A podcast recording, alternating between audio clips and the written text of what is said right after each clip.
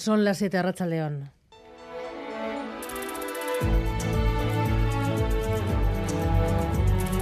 Gambara con Arancha García.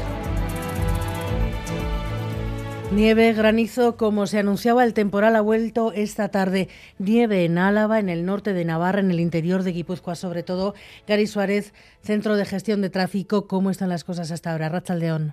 Racha León, bueno, pues están complicadas. Especial atención en las carreteras de Álava, las más afectadas con diferencia, donde no deja de nevar copiosamente, por ejemplo, en la N622 a la altura de Ayurdín. Precisamente esta vía, la N622, es la que más complicaciones está teniendo, según podemos eh, apreciar en las pantallas, con vehículos atravesados debido a la nieve y largas colas. El tráfico está prácticamente parado, solo un carril abierto en cada sentido y hay personas que llevan más de una hora paradas. Dentro de Álava, otras zonas con nieve en la calzada y donde vemos que sigue nevando copiosamente son, por ejemplo, el puerto de Azaceta, Echavarribiña o la A1 en Argomaniz. Y fuera de Álava, especial atención en la A15, que está cerrada sentido Pamplona a la altura de Verástegui por la nieve y también mucha precaución en el puerto de Chegarate, según indica el Departamento de Seguridad del Gobierno vasco. José Antonio Aranda, responsable de Euskalmeta, Rachaldeón.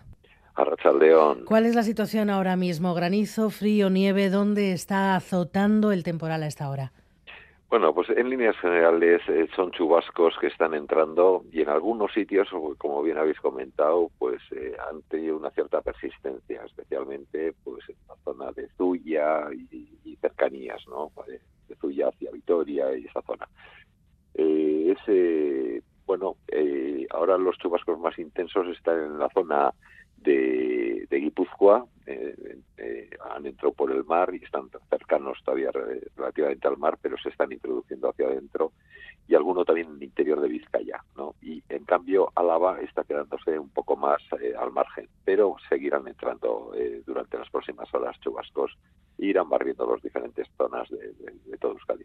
O sea que esa es la previsión, va a seguir cayendo de alguna u otra manera generalizadamente en el interior, tanto de Vizcaya, de Guipúzcoa, como por supuesto de Álava, norte de Navarra. Nos decían que tienen unos 5 centímetros ya en Gasteiz. ¿La nieve que caiga a partir de ahora va a cuajar? Bueno, sí, la nieve que está cayendo en la ciudad está cuajando y la que están cayendo, pues no sé, yo, yo, yo voy cerca de Morguía y aquí tendremos ya unos 25 centímetros de nieve aproximadamente. Eh, hasta mañana a la mañana vamos a seguir en una situación muy parecida en la que los chubascos van a ser frecuentes en cualquier sitio, más eh, en la vertiente cantábrica que en el interior, pero claro, en el interior lo que tenemos es una más altura, más frío y por tanto eh, cuaja con mucha más eh, fuerza, ¿no? Pero en líneas generales, por encima de los 400 siempre va a ser nieve, por debajo de los 400 solamente en esos momentos en los que hay una intensidad de la precipitación o una persistencia de, la precipitación y, en líneas generales a partir ya de mañana empezará ya a subir las temperaturas y para la tarde, bueno, pues ya prácticamente se convertirá en todos sitios eh, lluvia. O sea que así hasta mañana por la mañana y a partir de mañana por la mañana lluvia generalizada. Sí, bueno, a partir de, las 18 horas de mañana es ya todo lluvia generalizada y ahí en medio pues irá subiendo poco a poco la, la, la, cota de nieve entre las entre el amanecer prácticamente y, y, y, y, últimas horas de, la tarde, pues irá subiendo la cota de nieve hasta situarse ya a últimas horas del día en, valores muy altos, pero con lluvia todavía. Bueno, pues parece que las próximas horas van a ser las peores hasta que cambie el tiempo mañana por la mañana. José Antonio Aranda, muchísimas gracias por los detalles. Arrachaldeón. Gracias, gracias a vosotros, seguro.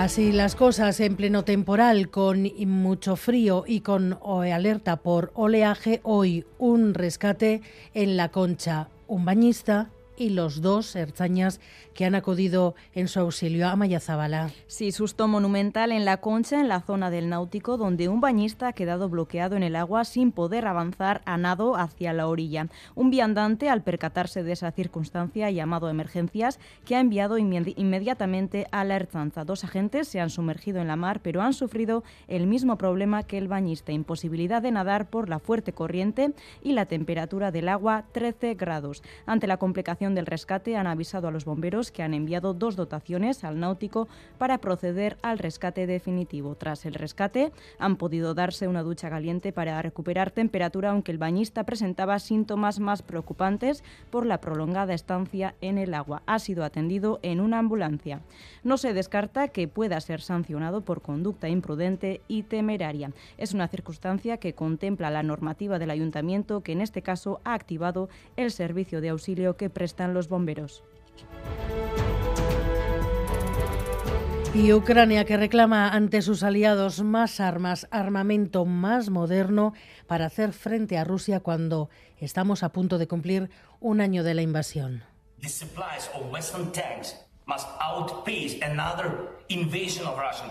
El presidente Zelensky hace unas horas ante el foro de Davos, pocas horas después de que la cúpula de interior, su cúpula de interior, haya muerto al estrellarse el helicóptero en el que viajaban en un barrio de las afueras de Kiev. El aparato ha caído sobre una guardería y al menos 14 muertos, varios niños. Hay una investigación en marcha. No se descarta ninguna hipótesis, ni que haya sido un accidente, ni que haya podido ser un atentado. Y el PSE respalda el centro de refugiados que proyecta abrir en Gasteiz el gobierno español. Se desmarca del criterio de la cual la consejera Beatriz Artola Zabal, que reprocha directamente a Moncloa actuar unilateralmente y sin dar información suficiente. Un proyecto que no con Partimos eh, desde el punto de vista de lo que desde el modelo vasco de migraciones estamos impulsando, un modelo vasco, un modelo eh, individualizado en cuanto al tratamiento de las personas, un modelo que lo que pretende es trabajar con la comunidad, un modelo en el que pretende establecer un itinerario.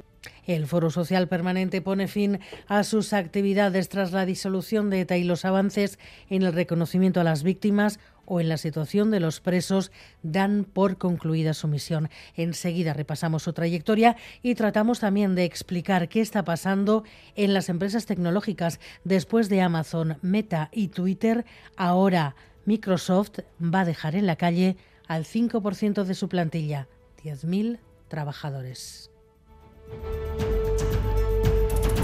Y en los deportes continúa la Copa. Edo García Rachaleón. La Copa y la Supercopa femenina, en este caso, en juego la primera semifinal que enfrenta a Mérida, la Real y al Sporting de Huelva. Última hora de ese primer tiempo. Chemolín, ¿qué nos cuentas? Eh, Rachaldeón, bueno, pues efectivamente se está disputando desde hace ya 38 minutos la primera de las semifinales de esta Supercopa que se juega en tierras extremeñas, concretamente en el Estadio Romano José Feuto. Se enfrenta en Real Sociedad y Sporting de Huelva y de momento el resultado inicial, Real Sociedad 0, Sporting de Huelva 0. Y a las 8 en San Mamés la Copa con el Atlético a escena jugando ante el Español. Última hora de la catedral. Alberto Negro, ¿qué nos cuentas? A Rachaldeón, pues con granizadas intermitentes que resuenan sobre la cubierta de San Mamés. Estamos esperando el inicio del partido con la alineación del Atlético confirmada. Julen Aguirre Zabala va a estar en portería. De Marcos, Vivian Geray y Yuri Berchiche en defensa. El centro del campo para Miquel Vesga con Oyer Zárraga y Ollán Sancet. Arriba van a jugar Nico Williams, Alex Berenguer y Gorka Guruceta. El Atlético a partir de las 8 buscará plaza en los cuartos de final de la competición. Tarea que tiene Osasuna a partir de las 9 en el campo del eh, Betis, en el campo del actual campeón, en el Brito Villamarín. Todo ello desde las 8 eh, menos 20 aquí en Quiroga Festa.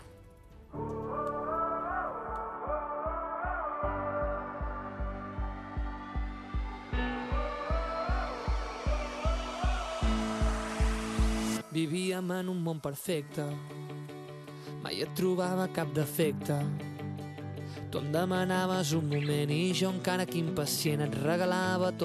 En nuestra contra hoy una sentencia pionera que ha puesto en entredicho los abusos de grandes compañías que gestionan inmuebles e imponen condiciones ilegales a sus inquilinos. Una de sus arrendatarias en Barcelona los llevó a juicio y le han dado la razón. Xavier Madariaga ha charlado con ella. Esta es la historia de David contra Goliat, una inquilina contra el fondo de inversión Azora, una sociedad con miles de millones en capital conocida por su intento de desahucio de más de 30 familias en el barrio Donostiarra de Gros.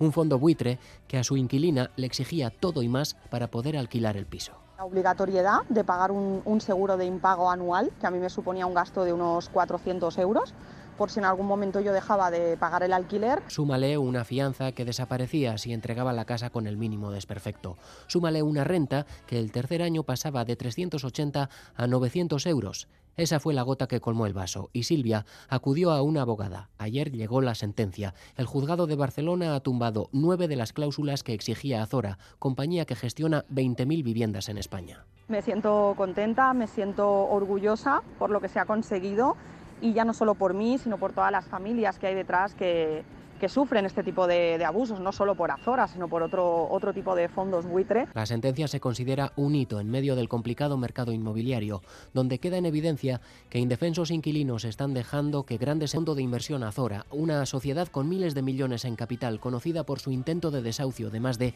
30 familias en el barrio Donostiarra de Me siento orgullosa por lo que se ha conseguido y ya no solo por mí, sino por todas las familias que hay detrás que, que sufren este tipo de, abusos, no solo por Azora, sino por otro, otro tipo de fondos buitre. La sentencia se considera un hito en medio del complicado mercado inmobiliario, donde queda en evidencia que indefensos inquilinos están dejando que grandes empresas propietarias de pisos vulneren sus derechos porque necesitan un lugar donde vivir.